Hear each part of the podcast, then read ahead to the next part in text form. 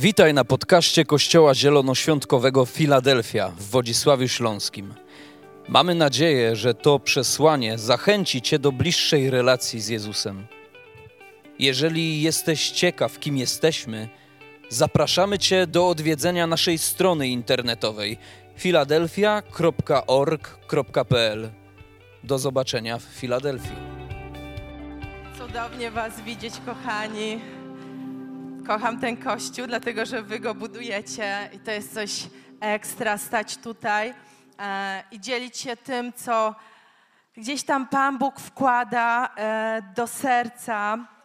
I powiem Wam tak, że miałam zupełnie o czymś innym e, dzisiaj Wam mówić, ale czasami jest tak, e, że Duch Święty wierci ci w sercu i mówi: Musisz to powiedzieć. Ja wiem, że on jest łagodny, ale wiem, że podzielę się czymś, co e, odebrałam e, od Ducha Świętego. E, ale na wstępie chciałam e, bardzo Was pozdrowić, bo pewnie zauważyliście, że nie ma e, mojego męża. E, Arek Was kazał przytulić, więc jeżeli potrzebujesz takiego przytulenia, to podejdź do mnie, przytulę Cię w imieniu Arka. Arek jest w Toruniu i tam e, głosi. E, I kochani, E, Nie wiem, jak to jest. Poproszę e, pierwszy slajd. Nie wiem, jak to jest, ale tak się składa, że my jako ludzie tak bardzo potrzebujemy takiego, wiecie, przytulenia, dobrego słowa, potrzebujemy miłości. Tak Pan Bóg nas stworzył. Potrzebujemy doceniania. I dzisiaj chciałam mówić, em, takie kiedyś było fajne, e, fajna reklama, myślę, że e, może wierzący ją em, nakręcili. E, doceniaj, a nie oceniaj. E, I mm, jak ją oglądałam, mówię, Wow, to jest coś niezwykłego. To po prostu e, te słowa zawarte w tej reklamie, one tak naprawdę mają podłoże w Biblii, dlatego że jak otworzysz Biblię, to w każdej, e, na każdej stronie Bóg komunikuje ci, jak bardzo, bardzo cię kocha. I powiem wam, mm, tak czasami się nam wydaje, że e, a niektórzy to tam nie potrzebują dobrego słowa. To jest nieprawda. Każdy z nas potrzebuje dobre słowo, każdy z nas potrzebuje przytulenia, każdy z nas potrzebuje docenienia. I wczoraj odebrałam taki telefon od niezwykłej dziewczyny i wiecie, ona mi mówiła przez kilka sekund piękne rzeczy do mojego życia. Ona mnie po prostu doceniała i wiecie co, ja jestem pozytywną osobą, ale gdy skończyłam e, z nią rozmawiać, po prostu czułam się jak uskrzydlona, naprawdę. Czułam, że te wszystkie rzeczy są tak piękne i one wpadały do mojego serca. Dlatego odwróć się do osoby, która siedzi obok ciebie i powiedz jej, doceniaj, a nie oceniaj. Tak, powiedz jej, powiedz jej.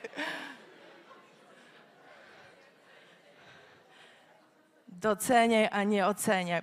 E, I kochani, mm, chciałabym, abyśmy e, teraz zobaczyli tą krótką reklamę e, i przypomnieli sobie, co tak naprawdę, o co tak naprawdę chodzi w tym docenianiu. Zapraszam na film. Twoje największe marzenie. Przyczepa kempingowa. Dlaczego jej nie kupisz? Mąż nie byłby zachwycony. No to sprawdźmy. Kochanie, no jest to szalony, ale odważny i wspaniały pomysł. Spełniaj swoje marzenia, póki jesteście młodzi, zwiedzajcie świat. Twoja miłość do podróży jest wielka, tak jak moja miłość do ciebie. Chcę, żebyś była tak odważna, jak jesteś. Chcę, żebyśmy razem to przeżyli. Córeczko, kochanie, jestem dumna z ciebie. Doceniaj, nie oceniaj, bo docenianie motywuje do działania. Wow, prawda, że piękna. Ktoś naprawdę e, czytający Biblię ją nakręcił z inspiracji samego Boga. Ale wierzę, że docenianie ma bardzo duże znaczenie w naszym życiu. I pozwolę sobie Wam przeczytać, e, co mówi słownik języka polskiego na temat doceniania i oceniania. Posłuchajcie. Doceniać znaczy uznać wartość, znaczenie kogoś, pozytywnie ocenić kogoś lub coś. Natomiast ocenić znaczy wydać opinię o kimś, określić wartość, postawić ocenę. jak wsłuchaliście się w słowa tych e, dwóch e, definicji, to możemy powiedzieć, tam jest bardzo subtelna różnica, prawie niedostrzegalna, ale każdy z nas, jak tutaj siedzimy, chyba że ktoś inaczej myśli, chcemy być doceniani, a nie oceniani. Zgadzacie się ze mną? Tak jest? Czy ktoś chce być oceniany? Myślę, że nie ma, nie ma żadnej osoby. Chcemy być doceniani, a nie e, oceniani. E, I powiem Wam, jak sobie przypominałam różne historie w swoim życiu, jak chodziłam do liceum, absolutnie e, nie mówię tutaj do nauczycieli, którzy siedzą na tej sali, bo są wyjątkowi i cudowni. Wiem, że doceniają swoich uczniów, ale ja znalazłam się w takiej klasie, gdzie pani każdego prawie dnia mówiła do nas cymbały, tłumoki i nieuki. Chodziłam do ogólniaka. I wiecie co? e, Sytuacja była taka, że e, jak przyszła matura, to połowa z klasy nie chciała przystąpić do matury. No później jakoś się zmobilizowaliśmy, przystąpiliśmy do matury. Ale wiecie, te słowa, ja uczyłam się dobrze, ale te słowa, one tak mocno zapadły w mojej głowie, że mm, wiecie co, e, gdy dowiedziałam się, że nie mogę studiować AWF-u z różnych przyczyn, ja po prostu nie chciałam iść na studia. Ale moja mama wzięła papiery i zawiozła je na uczelnię, nie mówiąc mi o tym. Dziękuję ci, mamo, może nas oglądasz. E, Wyobrażacie sobie, nie chcesz iść na studia, a twoja mama w tajemnicy zawozi ci dokumenty e, i dostajesz informację na kartce, że egzamin jest za trzy dni. Ja podchodzę do mamy, mówię, mamo, to jakaś dziwna historia. Oni chyba się pomylili, po prostu jakiś dziwny papier przyszedł. I moja mama mi wtedy wyznała prawdę. Tak, złożyłam ci dokumenty, bo ty nie chciałaś iść na studia. Złożyłam ci, idź sobie na ten egzamin, nie stresuj się, mm, zobaczysz, jak on wygląda. I wiecie co, poszłam na luzie, zero stresu i po prostu dostałam się. I popatrzcie, jeżeli dzieci w naszych e, szkołach, w naszych domach każdego dnia słyszałyby cudowne rzeczy na swój temat, to po prostu myślę, że świat zupełnie inaczej by wyglądał. Dlatego ta mała rzecz, ta mała rzecz, a jaką robi różnicę. Pomyśl, gdy wracasz do swojego domu, a twoja uśmiechnięta żona mówi: Kochanie, ugotowałam tobie najlepszy obiad, jaki lubisz. Twój mąż wita cię i mówi: Cudownie, cudownie. Wiem, ktoś może powiedzieć takie, takie słodzenie, czy my tak musimy żyć. Słuchajcie, świat zupełnie, nasze domy zupełnie by wyglądały inaczej, gdybyśmy najzwyczajniej doceniali siebie nawzajem, gdyby, gdyby rodzice doceniali swoje dzieci, gdyby dzieci pięknie wyrażali się e, o swoich rodz- rodzicach. Co takiego jest docenianiem? Napisałam sobie taką definicję.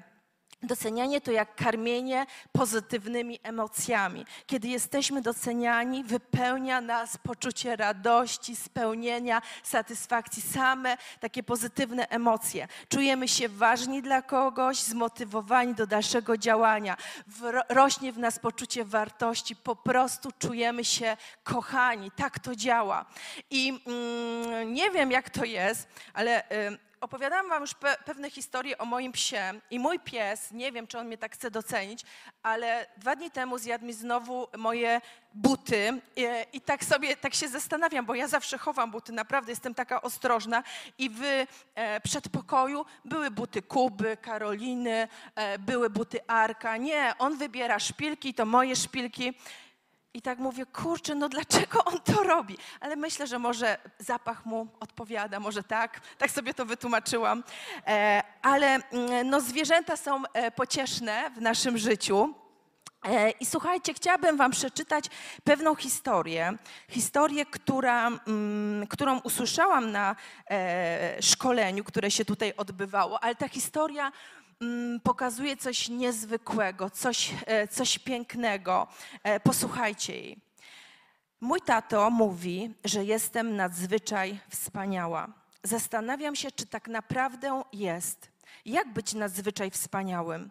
Sara mówi, że trzeba mieć piękne, kręcone włosy, tak jak ona. Ja nie mam.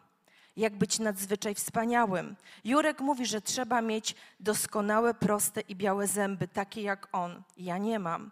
Jak być nadzwyczaj wspaniałym? Justyna mówi, że nie można mieć na buzi tych małych brązowych kropek zwanych piegami. Ja mam. Jak być nadzwyczaj wspaniałym? Marek mówi, że trzeba być najmądrzejszym uczniem w siódmej klasie. Ja nie jestem. Jak być nadzwyczaj wspaniałym? Bartek mówi, że trzeba opowiadać najzabawniejsze do, dowcipy w szkole. Ja nie opowiadam. Jak być nadzwyczaj wspaniałym? Ania mówi, że trzeba nosić tylko najbardziej odlotowe ubrania i buty. Ja nie noszę.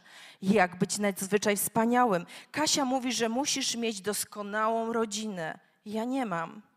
Jednak każdego wieczoru tato całuje mnie na dobranoc i mówi: Jesteś nadzwyczaj wspaniała i kocham cię. Tato chyba wie czegoś, co nie wiedzą moi przyjaciele. To jest historia, która bardzo mnie dotknęła i myślę, że jeżeli słyszysz jej, to jest historia może o tobie. Przyjmij ją, bo tato tak cię widzi. Może nie masz tego, może nie masz tamtego, ale on chce być blisko ciebie, chce tulić cię w ramionach, chce przytulać się, komunikować piękne rzeczy do twojego życia, bo taki jest tato. Em, I dla odmiany chciałabym Wam opowiedzieć drugą historię, która, e, która z kolei wiąże się zupełnie z czymś innym, wiąże się właśnie z ocenianiem. Mm, usłyszałam ją, mm, to jest historia zawarta w jednej z książek Joyce Meyer, ale dotyka do bólu. Pewna dziewczyna, która pochodziła z takiej rodziny, gdzie mm, wylewało się dużo alkoholu, Nie była doceniana oczywiście przez swoich rodziców, była tak naprawdę zostawiona samą e, sobie, sama się wychowywała, nikt nie mówił pięknych rzeczy, nikt nie- do jej życia, nikt nie robił jej kanapek do szkoły, nie dbał o nią. E, I ta dziewczyna mm, nie akceptowała siebie, dlatego że mm, patrząc w lustro widziała, że jest okrągła, pulchna, chociaż naprawdę taką nie była, ale czuła się jako gruba, brzydka, e, niekochana osoba. I pewnego dnia e, jej mama chciała Chciała zrobić jej przyjemność i mówi: Wiesz co, zbliżają się Twoje urodziny, upiekę dla Ciebie piękny tort.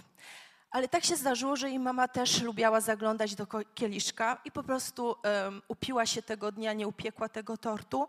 I gdy mm, Ania wróciła do domu, bo tak e, miała na imię, mama z takim uśmiechem na twarzy mówi: Wiesz co, nie upiekłam dla ciebie tortu, zapomniałam, ale to i tak nie ma znaczenia, bo ty jesteś taka gruba, po co ci ten tort jeść? Dziewczyna oczywiście spuściła głowę, odeszła do swojego pokoju, mm, płakała. I wiecie, szukała pomocy, bardzo szukała pomocy. I pomyślała sobie, może pójdę do kościoła, może tam znajdę pomoc, może ktoś mi pomoże. Ale wiecie, miała bardzo dużo dylematów, bała się, nikogo nie znała z, ze swoich koleżanek, które uczęszczają do kościoła. Znalazła kościół w mieście, naprzeciwko tego kościoła była kawiarnia i każdego dnia przez kilka dni przesiadywała w tej kawiarni, patrzyła przez witrynę na ludzi, obserwowała ludzi, którzy wchodzą do, do kościoła i zadawała sobie wiele pytań. Czy czy rzeczywiście znajdzie tam pomoc, czy znajdę tam pomoc, czy ludzie okażą mi miłość, czy em, pomogą mi w tej mojej trudnej sytuacji, czy znajdę tam akceptację. Pytania były bez odpowiedzi. Ale przyszła taka odwaga, że ona mówi: Pójdę, i poszła do kościoła. I wiecie co? Weszła do kościoła. To nie była Filadelfia. I słuchajcie, nikt jej nie przywitał. Nikt jej nie zaprosił e, do kawiarni na kawę. Była na nabożeństwie i gdy skończyło się spotkanie, podchodzi do niej pewna kobieta i mówi: Cześć, jak masz na imię? Ona mówi: Ania, ja mam Marysia. I wiecie, ta kobieta tak ją zlustrowała trochę i mówi tak: Wiesz, fajnie, że jesteś, fajnie, że jesteś z nami, ale musisz, Aniu, wiedzieć, że Pan Jezus bardzo lubi skromność, a ty ubrałaś się bardzo wyzywająco. Masz różowe włosy, jesteś bardzo mocno pomalowana, ubrałaś sobie krótką spódniczkę, na domiar y, na twoich rękach są rysunki, tatuaże. Aniu, pamiętaj, Pan Jezus lubi skromność. Chcę Ci jeszcze na koniec powiedzieć, Aniu, Ty jesteś tutaj mile widziana. Dziewczyna e, to śmiech tragiczny, ale ta historia e, naprawdę się wydarzyła. Błogosławię siostrę Marię, może Pan Bóg ją dotknie. E, I ta dziewczyna mm, odeszła z tego miejsca i wiecie co e, w jej sercu było, w jej głowie, w jej myślach? Ona miała pewność, ona miała stuprocentową pewność, że ona nie pasuje do tego miejsca nie pasuje do tego miejsca.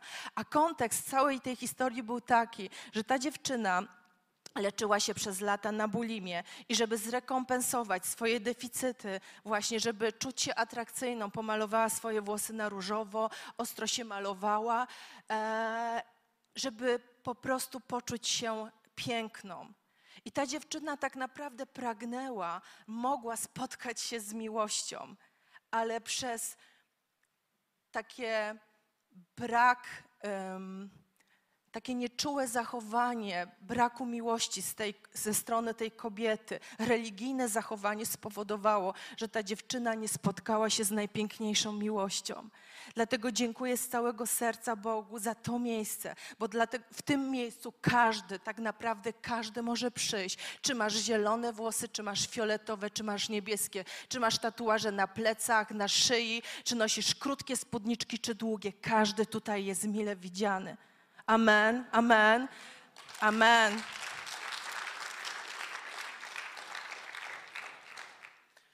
I to jest, to jest genialne, że udało nam się stworzyć takie miejsce, że religia nie ma tutaj panowania na tym miejscu. Każdy jest mile widziany.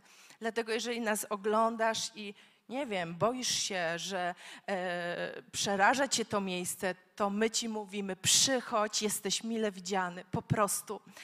I mm, e, odkryłam coś takiego, w, były takie przeprowadzane badania przez grupę psychologów i ci psycholodzy stwierdzili, że ludzi generalnie można podzielić na dwie grupy. E, Na tych, którzy czują się kochani i na tych, którzy nie czują się kochani, którzy, są, e, który, którzy żyją w takim poczuciu niekochania. To jest straszne i bardzo dużo e, takich ludzi nas otacza. Jak spotykasz się z drugim człowiekiem, widzisz, ile, ile my ludzie mamy różnego rodzaju deficytów.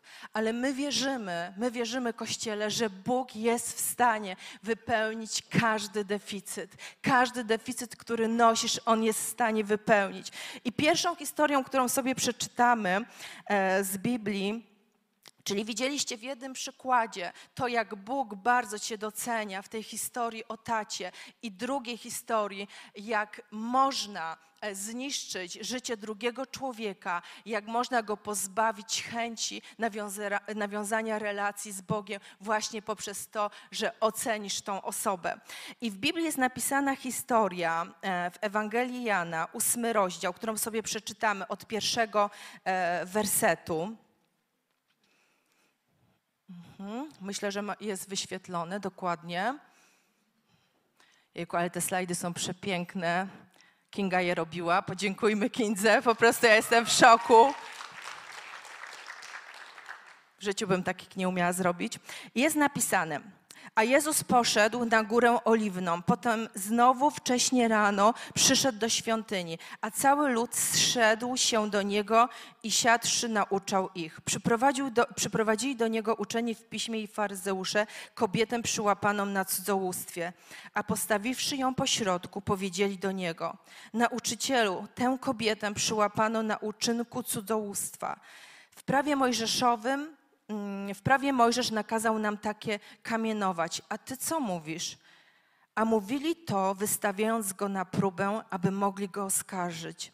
Jezus za, zaś, schyliwszy się, pisał palcem po ziemi, a gdy nie przestawali go pytać, podniósł się i powiedział do nich: Kto z was jest bez grzechu? Niech pierwszy rzuci w nią kamieniem. I znowu schyliwszy się, pisał po ziemi. A gdy oni to usłyszeli, będąc przekonani przy- przez sumienie, odchodzili jeden po drugim, począwszy od starszych aż do ostatnich. Pozostał tylko sam Jezus i ta kobieta stojąca po środku. A Jezus podniósł się i nie widząc nikogo prócz tej kobiety, powiedział do niej: Kobieto, gdzież są ci, którzy cię oskarżali? Nikt cię nie potępił? A ona odpowiedziała: Nikt, panie. A Jezus powiedział do niej: I ja ciebie nie potępiam, idź i już więcej nie grzesz. Pierwszy punkt, który sobie zatytułowałam, to miłość, która kocha grzesznika. Jestem przekonana w stu procentach, że ta historia pokazuje, jak bardzo Bóg kocha drugiego człowieka. Chciałabym, żebyśmy sobie wyobrazili kontekst e, tej sytuacji, bo my czasami czytamy coś i nam się wydaje, że to było takie, no, że to się wydarzyło, ale wyobraźcie sobie taką, taką scenę, że jest tutaj nabożeństwo i ktoś po prostu e, przywłóczy, przyciąga kobietę na środek tutaj naszego spotkania, która jest nie do końca ubrana, bo rozumie, tak, tak jest to opisane, że nie miała czasu do końca się ubrać, a przed chwilą co robiła, to uprawiała seks z nieswoim mężem.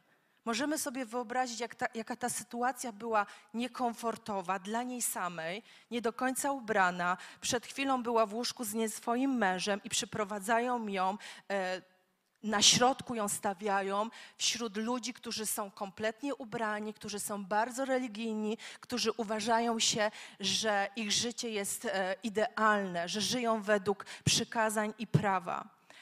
Myślę, że to było coś bardzo, bardzo strasznego. Myślę, że ta dziewczyna do końca nie wiedziała, co się dzieje, jak koszmar, jak sen, który miał się nie przyśnić.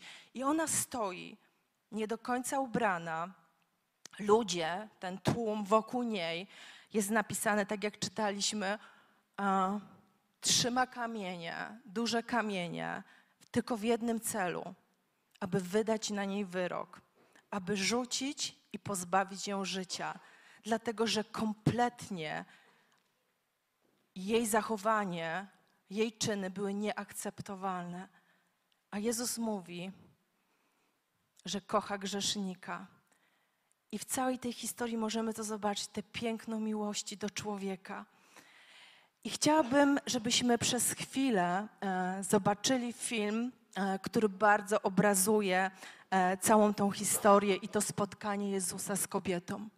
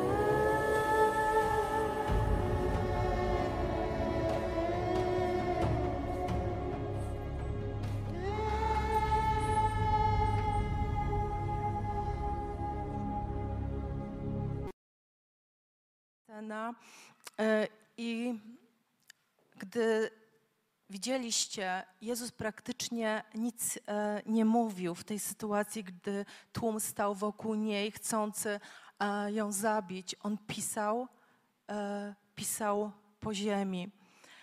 I niektórzy uważają, że mm, taka jest interpretacja biblistów, że pisał ich grzechy, ale widzimy, że tłum odchodzi.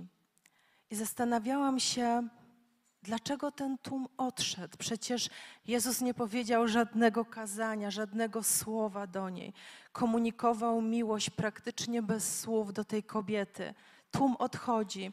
I wiecie co, przyszły dla mnie, do mnie takie refleksje, że tłum odszedł albo przez to, że przeraziły ich grzechy, które Jezus pisał na ziemi, ich własne grzechy, albo po prostu ci ludzie odeszli, bo byli zgorszeni miłością Boga do tej kobiety. Po prostu zgorszyła ich ta nie, niezwykła miłość, którą ma Bóg do, moglibyśmy powiedzieć, grzesznej kobiety. Ta historia mnie bardzo wstrząsnęła, bo ona jest bardzo aktualna. Aktualna jest dzisiaj. I bez względu na to, co, co się stało w Twoim życiu, jakiego grzechu się dopuściłeś, co się wydarzyło, jakie złe rzeczy miały miejsce, to przesłanie Boga jest ciągle takie samo, aktualne. Bóg po prostu kocha grzesznika. I Bóg każdego dnia tak naprawdę dopomina się o Twoje życie. Może nas oglądasz, może, e, może e, jesteś z nami online, może jesteś tutaj na miejscu. Bóg upomina się o Twoje życie, bo kocha Cię bezgranicznie. I w Ewangelii Jana jest napisane trzeci rozdział, siedemnasty werset. Albowiem Bóg nie posłał swego Syna na świat po to, aby świat potępić, ale po to, aby świat został przez Niego zbawiony, uratowany. I to jest naprawdę nadzieja dla każdego z nas, że Bóg tak naprawdę każdego dnia chce ratować, ratować nas. Posłał swojego syna, aby uratować ciebie, nie aby e, napisać ci krzyżyk na drogę, powiedzieć, że jesteś do niczego, beznadziejny, ale on ciągle wyciąga tą rękę i mówi: Powstań, powstań, chcę dać do Twojego życia życie, chcę dać do Twojego życia radość, miłość, pokój, wszystkie te rzeczy, które nie da się kupić za pieniądze. I wiem, zdaję sobie sprawę, że nie ma takiej historii, której on nie byłby w stanie wybaczyć. Jeżeli wybaczone zostało właśnie tej kobiecie, to każdy grzech, każdy grzech, który, e, który może nosisz w swoim sercu, Bóg mówi: Wybaczam. Przyszedłem, aby Ciebie uratować, konkretnie, aby, aby Ciebie uratować. To był mój cel mojego przyjścia e, tutaj na świat. I tej historii też mogliśmy zobaczyć, że Bóg tak naprawdę daje drugą szansę człowiekowi. Czasami może być tak, że gdzieś upadniesz, zagubisz się w swoim życiu, a Bóg mówi: Tak, jestem Bogiem drugiej szansy, chcę dać Tobie drugą szansę. Nikt z nas nie jest tutaj idealny, ale Bóg mówi: Jestem Bogiem drugiej szansy. Może ta kobieta kiedyś prowadziła e, normalne, fajne życie, miała rodzinę, nie wiem, co się, co się z niej, e, co się w, w jej życiu stało, ale Bóg komunikuje nam poprzez tą historię. Jestem Bogiem drugiej szansy. Um, I taką e, kolejną rzeczą, którą chciałam Wam e, pokazać, e, bo tak sobie pomyślałam, że dzisiaj chciałabym wymalować najpiękniejszy obraz Boga i o to się modliłam. druga taka historia, która mnie bardzo dotyka, to historia Zacheusza. Jej sobie nie będziemy czytali, ale proszę, żebyście ją przeczytali w domu. Ona jest zapisana w Ewangelii Łukasza, 19 rozdział od pierwszego do dziesiątego wersetu. Ja Wam ją spróbuję sparafrazować. Zacheusz był e, takim człowiekiem bardzo, e, bardzo majętnym, tak Biblia go opisuje. E, był szefem celników, zwierzchnikiem celników. Byśmy dzisiaj powiedzieli, że taki powiedzmy dyrektor Urzędu Celnego e, na dzisiejsze współczesne czasy. Zacheusz miał bardzo spory majątek, e, był człowiekiem wpływowym. E, pozycja i bogactwo dawało mu bardzo, bardzo władzę. Ale z drugiej strony Zacheusz tak naprawdę dorobił się całego majątku poprzez to, że oszukiwał ludzi. Był osobą bardzo znienawidzoną przez przez, e, przez ludzi, z którymi tak naprawdę żył w swoim mieście. I tak naprawdę Jezus e, przybył do Jericha, bo cała akcja e, toczy się w Jericho e, i Zacheusz miał e, w sercu, w głowie jedno, jedno pragnienie. Zastanawiał się tak naprawdę, kim jest Jezus. I mm, on postanowił, z racji, że był niewysokiego wzrostu, był niższy niż przeciętny mężczyzna, mm, wpadł na taki cudowny plan, że wiedział, gdzie przebiega trasa wędrówki Jezusa, postanowił wydrapać się na drzewo. Ale musimy sobie jakby wyobrazić tą sytuację. Zacheusz nie ma pięciu lat, bo chłopcy pięcio, dziesięcioletni wdrapują się na drzewo, ale jest dyrektorem urzędu celnego i on wdrapuje się na drzewo e, z taką myślą, pragnieniem, chcę zobaczyć Jezusa. Nie chcę, żeby mnie ktokolwiek e, zobaczył. Ale ja sobie to tak wyobrażam, że on musiał e, wdrapać się na to drzewo, tak jak się ubierają właśnie dyrektorzy urzędów celnych, czyli w garniturze. I ta sytuacja mogła wyglądać bardzo, bardzo komicznie, ale ukrywając się na tym drzewie, gdy Jezus przechodził tamtędy i wierzę, że to było takie słowo prorocze, e, które odebrał Jezus z duchu. No Jezus był Bogiem, ale normalnie ludzie go nie zauważali, a jednak Jezus go zauważył i powiedział: Zacheuszu, ja cię widzę, ja cię widzę na tym drzewie. Proszę cię, zejdź, zejdź. Dzisiaj chcę być w twoim domu, chcę zjeść z tobą kolację. I teraz pomyślmy, co się musiało dziać e, w sercu, w myślach Zacheusza. Zacheusz był znienawidzony przez ludzi. Chciał spotkania z Bogiem, intrygował go Jezus. I Jezus y, wyciąga do niego rękę, zwraca na niego uwagę i mówi: Chcę zjeść z tobą kolację, chcę być z tobą. E, I ta zachowanie Jezusa, które było pełne miłości, które doceniało Zacheusza jako człowieka, spowodowało diametralną różnicę w jego życiu, bo w wyniku spotkania z Jezusem, w wyniku tej krótkiej rozmowy, tak naprawdę wszystko w jego życiu się zmieniło. Jezus mu nie mówił, Zacheuszu, ty e, okradłeś tylu ludzi, ty e, oszukiwałeś, ale Zacheusz sam w wyniku tego spotkania dochodzi do takich, a nie innych wniosków. Mówi, sprzedam e, połowę, rozdam połowę mojego majątku i rozdam go ubogim. Jeżeli kogoś oszukałem, to po prostu wynagrodzę, wynagrodzę ludzi, których oszukałem. Nikt mu nic nie mówił, Jezus mu kompletnie nie wspominał, ale w wyniku tego spotkania, tak naprawdę, w wyniku dotyku miłości, Zacheusz doświadczył całkowitej przemiany. I możemy w tej historii zobaczyć, że jego priorytety się zmieniły, jego wartości się zmieniły, jego życie się zmieniło. Zacheusz sam po prostu się zmienił. Był zupełnie innym człowiekiem. I to mi mówi, że tak naprawdę, kiedy ty spotykasz się z Bogiem, wszystko w twoim życiu może być przewrócone do góry nogami. Jeżeli miałeś z czymś problem, Bóg mówi: Dam tobie odwagę, żebyś zerwał z tą konkretną sytuacją. Jeżeli doświadczałeś w swoim życiu, nie wiem, porażki za porażkę, Bóg mówi: Pomogę ci, pomogę ci, chcę być przy tobie, chcę e, podać ci rękę, chcę dać ci drugą szansę, chcę, jesteś dla mnie ważny. To komunikuje Jezus poprzez te konkretne historie. I to jest genialne, bo to jest ciągle żywe i aktualne e, w naszym życiu. I ta historia kończy się. Czyli tak naprawdę jedno spotkanie z miłością zmieniło Zacheusza całkowicie. I ta historia ko- kończy się mm, na dziesiątym wersecie i jest napisane, że Syn Człowieczy przyszedł bowiem odszukać i ocalić to, co zginęło. Kolejny raz e, Jezus, Bóg mówi do nas, że On przyszedł, aby szukać i ocalić. Przyszedł, aby ocalić tak naprawdę Twoje i moje życie. To jest genialna nadzieja. To jest coś, co mnie e, uskrzydla w moim życiu. I w tych historiach mogliśmy zobaczyć tak naprawdę komunikację Jezusa. Że On tak naprawdę w każdej sekundzie komunikuje Ci miłość. Każdej sekundzie On chce Cię doceniać.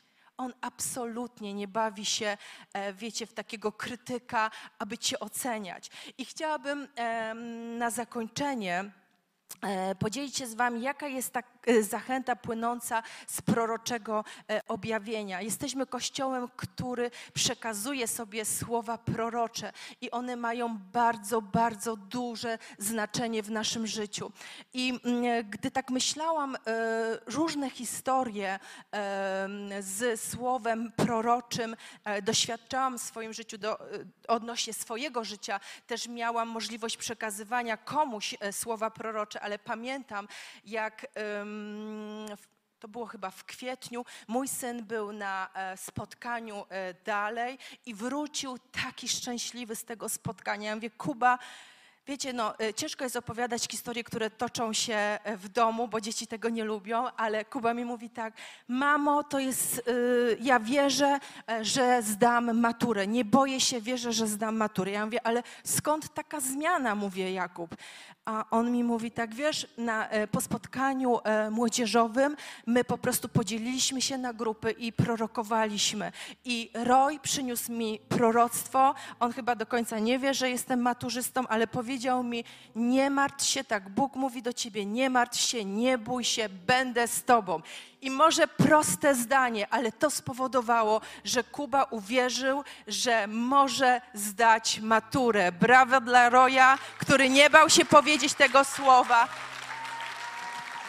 E, Popatrzcie, taka, takie by się wydawało banalne zdanie, ale dla tego młodego człowieka spowodowało, to był jego fundament, zaufał Panu Bogu, że Bóg mówi wprost, nie martw się, nie bój się, ja Ci po prostu pomogę.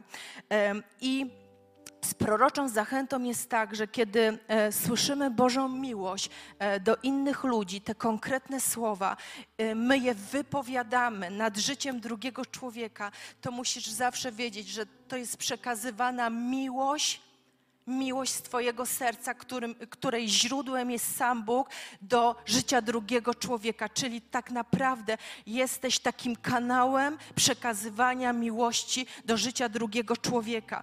I jest napisane. E, w Apokalipsie 19 rozdziale, że świadectwem Jezusa jest duch proroctwa. Duch proroctwa świadczy o tym, że Jezus żyje, że nas nie zostawił, że jesteśmy e, podłączeni do tego samego ducha, że Duch Święty mieszka w nas. A w 1 Koryntian 14:4 jest napisane: Proroctwo służy wzmocnieniu, czyli budowaniu. Słowo, które przekazujemy do życia drugiego człowieka, słowo miłości, ono e, ma jedno zadanie: ma być skąpane w miłości, ale macie wzmocnić, macie zbudować. To nie może być tak, że ty po słowie proroczym przychodzisz do domu i ryczysz, bo po prostu jesteś tak zdołowany. To nie było słowo prorocze. Słowo prorocze zawsze wzmacnia i buduje. I powiem wam, e, mm, taką historię, która wydarzyła się mm, na e, konferencji e, w Warszawie, e, Nation of Fire. Pamiętam, jak e, był taki czas modlitwy i wyszłam do przodu i modliłam się e, o dziewczynę, która, która właśnie stała, stała na przodzie. I wiecie co? Modlę się i w moich myślach e, jest e, jedno słowo. Twoje imię to odwaga. Jak dzisiaj to pamiętam. Silne słowo. Twoje imię to odwaga. I powiedziałam jej, takie coś słyszę w duchu proroczym, że Twoje imię to odwaga. Wiecie co, ta dziewczyna przykleiła mi się do ramienia, zaczęła tak płakać. Ja mówię, Boże kochany, no przecież to miało ją wzmocnić. Ona płacze, wylewa łzy, ślimta je tutaj gdzieś. I mm, ja mówię, dlaczego Ty tak płaczesz? I ona mi opowiada kontekst tej e, historii. Mówi, wiesz co, ja każdego dnia jestem pełna lęku. Każdego dnia boję się. Em, jestem e, już tym wykończona. Ciągle lęk i strach wypełnia moje serce. I teraz dopiero zrozumiałam, o co chodzi. Bóg widzi ją zupełnie inaczej. Bóg nazwał ją odważną. Bóg pokazał jej nową przestrzeń, e, w którą chce ją wprowadzić. Czy to słowo było motywujące? Wierzę, że tak. Chociaż w mojej głowie, w moich myślach wydawało mi się, co jej powiem, Twoje imię to odwaga. Wiecie, my czasami ludzie tak kombinujemy w głowach. Takie jedno proste zdanie. Dla niej te zdanie miało przeogromne znaczenie. I mm, napisałam sobie, czym proroctwo jest. Proroctwo jest Bożą miłością uwalnianą tak, aby budować i motywować, aby wchodzić w miejsca, które tylko On zna. Ja kompletnie nie wiedziałam, że ta dziewczyna żyje w lęku i w strachu. Ja w życiu bym nie my- wymyśliła takiego zdania. To było z inspiracji Ducha Świętego i jest zaproszeniem do rzeczywistości, jaką Bóg przeznaczył dla tej konkretnej osoby, której przekazujemy słowa. I proroctwo jest zawsze, wiąże się z zachętą, z motywacją do naszego życia. Jest okazaniem, takim swoistym okazaniem niezwykłej miłości, jaką Bóg chce przekazać ją Tobie. I jeszcze jedną rzecz chciałam przeczytać. W drugim Koryntian, drugi rozdział, od 10 do 11 jest napisane: Nam zaś objawił to przez ducha, bo duch przenika wszystko, nawet głębie Boga. Kto z ludzi wie tyle o człowieku, co duch ludzki, który mieszka w jego wnętrzu? Nam zaś objawił to przez ducha. I czasami tak. em, ja bynajmniej tak mam, nie wiem czy wy, ale czasami e, przychodzi ci coś do głowy, jakaś myśl i się zastanawiasz, to może być od Ducha Świętego, to powiem Ci tak, nie kombinuj w swojej głowie. Jeżeli to jest skąpane w miłości, jeżeli to motywuje, buduje, po prostu przynieś te słowo drugiej osoby, drugiej osobie, bo zawsze to słowo doceni tego człowieka, postawi, pokaże mu nową przestrzeń, którą Bóg otwiera tak naprawdę e, przed nim. Bo musimy, kochani, wiedzieć, że kiedy, mm, kiedy spotykamy Jezusa, to tak naprawdę w Twoim wnętrzu zaczyna ożywać Jego duch. Duch Święty zaczyna mieszkać w Tobie. I właśnie to Duch Święty, dzięki, dzięki Duchowi Świętemu masz dostęp do tych wszystkich rzeczy, które czytałam, do tych wszystkich głębi, do rzeczy nieodkrytych. I często dlatego tak jest, że w naszej głowie pojawiają się określone em, stwierdzenia, Duch Święty jest e, połączony z naszymi myślami i dlatego przychodzą Ci słowa prorocze właśnie w naszych e, procesach myślowych. Dlatego, że jesteś podłączony do Ducha Świętego. To jest genialne, słuchajcie. To jest genialne, dlatego że Bóg tak naprawdę jest w stanie znaleźć klucz do naszego życia, do naszego serca i może również to e, wspierać e, poznanie Boga właśnie przez taką proroczą e, zachętę. Wiem, że to dla kogoś, kto jest tutaj pierwszy raz, to może to być dziwne, e, ale uwierzcie mi, to nie schizofrenia, to tak jest. Czytałam Wam Słowo Boże.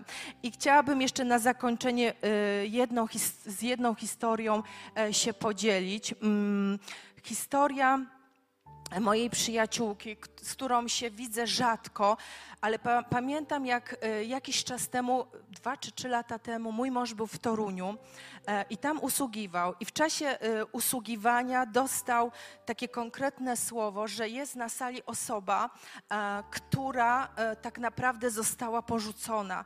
Została porzucona i było taka druga część tego słowa, że Bóg e, mówi do ciebie, że nie zostawi cię, pomimo że zostałaś porzucona, On jest przy tobie, da ci wsparcie i twoje marzenia, two, obietnice, które były przekazane do twojego życia, one zostaną spełnione. E, ta moja koleżanka ma na imię Gosia. E, Chciałabym, e, żeby e, na slajdzie było pokazane jej zdjęcie.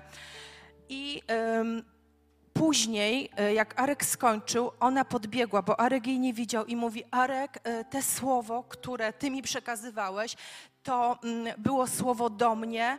E, Ja przed chwilą, jak wychodziłam do kościoła, dostałam SMS-a od swojego narzeczonego, który SMS-em powiedział mi, że zrywa za- zaręczyny.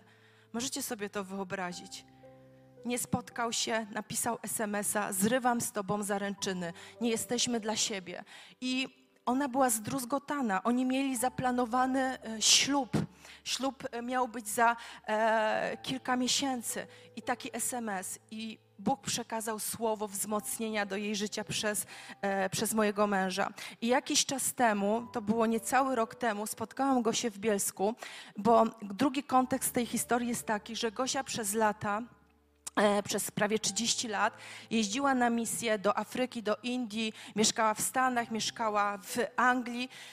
Jeździła na misję w jednym tylko celu, aby przekazać ludziom miłość, aby modlić się o chore osoby, aby je wspierać. Tworzyła przedszkola e, w Afryce. Po prostu całe swoje młode życie poświęciła, aby, e, aby przekazywać miłość dalej. E, I gdy spotkałam się z nią w Bielsku ten niecały rok, ona mówi, wiesz co Angela, chcę się osiąść w Polsce. Czas misji się skończył. Ja mówię, no, y, ja mówię, fajnie. Ona mówi, chcę służyć tutaj kościołowi e, w Polsce, ale mówi mi, wiesz co, marzę o jednym. Chciałabym założyć rodzinę. E, Chciałabym e, mieć taką bezpieczną przystań w Polsce. Wiem, że nie jestem już najmłodsza, mam 49 lat, ale wierzę, że te obietnice, które Bóg mi dał, że będę miała męża, po prostu On spełni. Wiecie, no ja bardzo, Gosia mi jest bardzo bliska, więc y, wie, wierzyłam w to. I jakiś czas temu, nie wiem, dwa, trzy tygodnie temu przeglądam Facebooka i wiecie co, widzę Gosi zdjęcie. To zdjęcie to jest jej mąż. E, ja byłam w szoku, ja mówię, to jest niemożliwe. Kilka miesięcy Gosia e, wyszła e, za mąż. I pamiętam, jak mi powiedziała jedną rzecz. Nie wyjdę za byle kogo. Ja muszę mieć męża, który całym sercem będzie kochał jego, dlatego że całe życie poświęciłam, aby służyć mojemu Bogu. To jest genialne. Bóg się nie spóźnia. Ta historia mi pokazuje, Bóg się nie spóźnia. Nie wiem, ile lat czekasz na e, Bożą odpowiedź. Nie wiem, ile lat czekasz e, na odpowiedź z nieba, na to, co się modlisz, ale Bóg się nie spóźnia. Bóg chce być blisko ciebie i On mówi: Tak, przyjdę w odpowiednim czasie, zaufaj mi. I to jest obietnica dla każdego z nas. I chciałabym, kochani, żebyśmy powstali. Żebyśmy powstali, gdy gdy się modliłam, wiem, że mam przekazać jedno słowo dla, dla osoby. To jest tak silne, że muszę to powiedzieć. Nie wiem, może jest tutaj na tej sali albo nas ogląda e, osoba, która, której po prostu się nie chce żyć. Nie masz siły, aby wstać z łóżka, nie masz siły do życia, nie masz siły do relacji. Jesteś udręczona, wykończona różnymi sytuacjami, które wydarzyły się w Twoim życiu. Bóg widzi Twoją udrękę, Bóg widzi to, jak Ci jest ciężko, ale On mówi: Pomogę Ci i podaję dzisiaj Ci moją rękę. Chcę, abyś powstała, dlatego że jestem Bogiem życia, jestem Bogiem nadziei, jestem Bogiem miłości i wlewam, wlewam Tobie moje życie.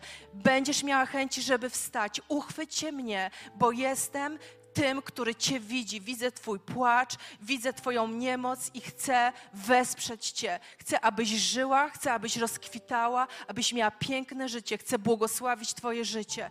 Jeżeli to jest słowo dla Ciebie, napisz mi proszę. To dla mnie ma ogromne znaczenie, że Bóg właśnie e, posługuje się, aby wzmocnić, aby wzmo- zmotywować Ciebie do, do życia. Kochani, będziemy się modlili, bo wierzę, że najzwyczajniej a, tutaj na sali i może osoby, które nas oglądają, że jest wiele osób, które mają najzwyczajniej deficyty, mnóstwo deficytów, braków kochania. I wierzę, że dzisiaj Bóg najzwyczajniej chce wejść w każdą przestrzeń, w, każdą, e, w każdy zakamarek naszego serca. On wie doskonale, jakie masz potrzeby, On wie doskonale, czego ci brakuje i chce wypełnić każdy brak, chce wypełnić każdy deficyt, bo On jest Bogiem, który ma moc, naprawdę ma moc zmienić wszystko w życiu. Ma moc zmienić wszystko w życiu. Dlatego chciałabym, abyśmy się modlili, abyś podniósł ręce do Boga, abyś podniósł ręce do samego nieba. I dzisiaj jest ten czas, już czas skończyć z życiem w brakach, już czas skończyć życie e, w deficytach, e, w takim. e, Czasami nosimy takie ciężkie plecaki, które nas przytłaczają, które powodują, że nie mamy siły, aby wstać. Panie kochany, ja tak modlę się, ja tak modlę się o każdą osobę. Modlę się o każdą osobę, abyś Ty, Panie, dotknął, abyś Ty, Panie, podniósł, abyś Ty, Panie kochany, wlał miłość, Panie, w każdą przestrzeń naszego życia, abyś Ty wyrwał z korzeniami to, każdy brak, ale abyś Ty go wypełnił Twoją miłością, Twoją akceptacją, Twoim pokojem, Twoim dobrem, Twoim szczęściem, wszystkim, co jest piękne i niezwykłe. Wszystkim, co jest piękne i niezwykłe. Błogosławię każdą osobę tutaj na tym miejscu. A może jesteś tutaj na tym miejscu po raz pierwszy i nigdy nie miałeś spotkania z tą najpiękniejszą miłością. Nigdy nie miałeś spotkania z Bogiem i przyszedłeś właśnie z takim pragnieniem, aby spotkać się z Nim. Jeżeli miałeś takie pragnienie, podnieś, podnieś rękę. Ludzie mają zamknięte oczy, liczysz się Ty i On. Ola sakira la la santa. Ola la sikira la santa. Jeżeli pragniesz nawiązać z Nim relację, On tu jest. On tu jest. Przychodzi do Ciebie, aby Cię błogosławić, aby Cię błogosławić, aby dotknąć Twojego życia, abyś był szczęśliwy, kochany, abyś mógł żyć pełnią życia, tak jak On sobie wymarzył. Chwała Ci, Panie, błogosławię. Błogosławię każdą osobę w Twoim imieniu. Amen. Będziemy teraz śpiewali.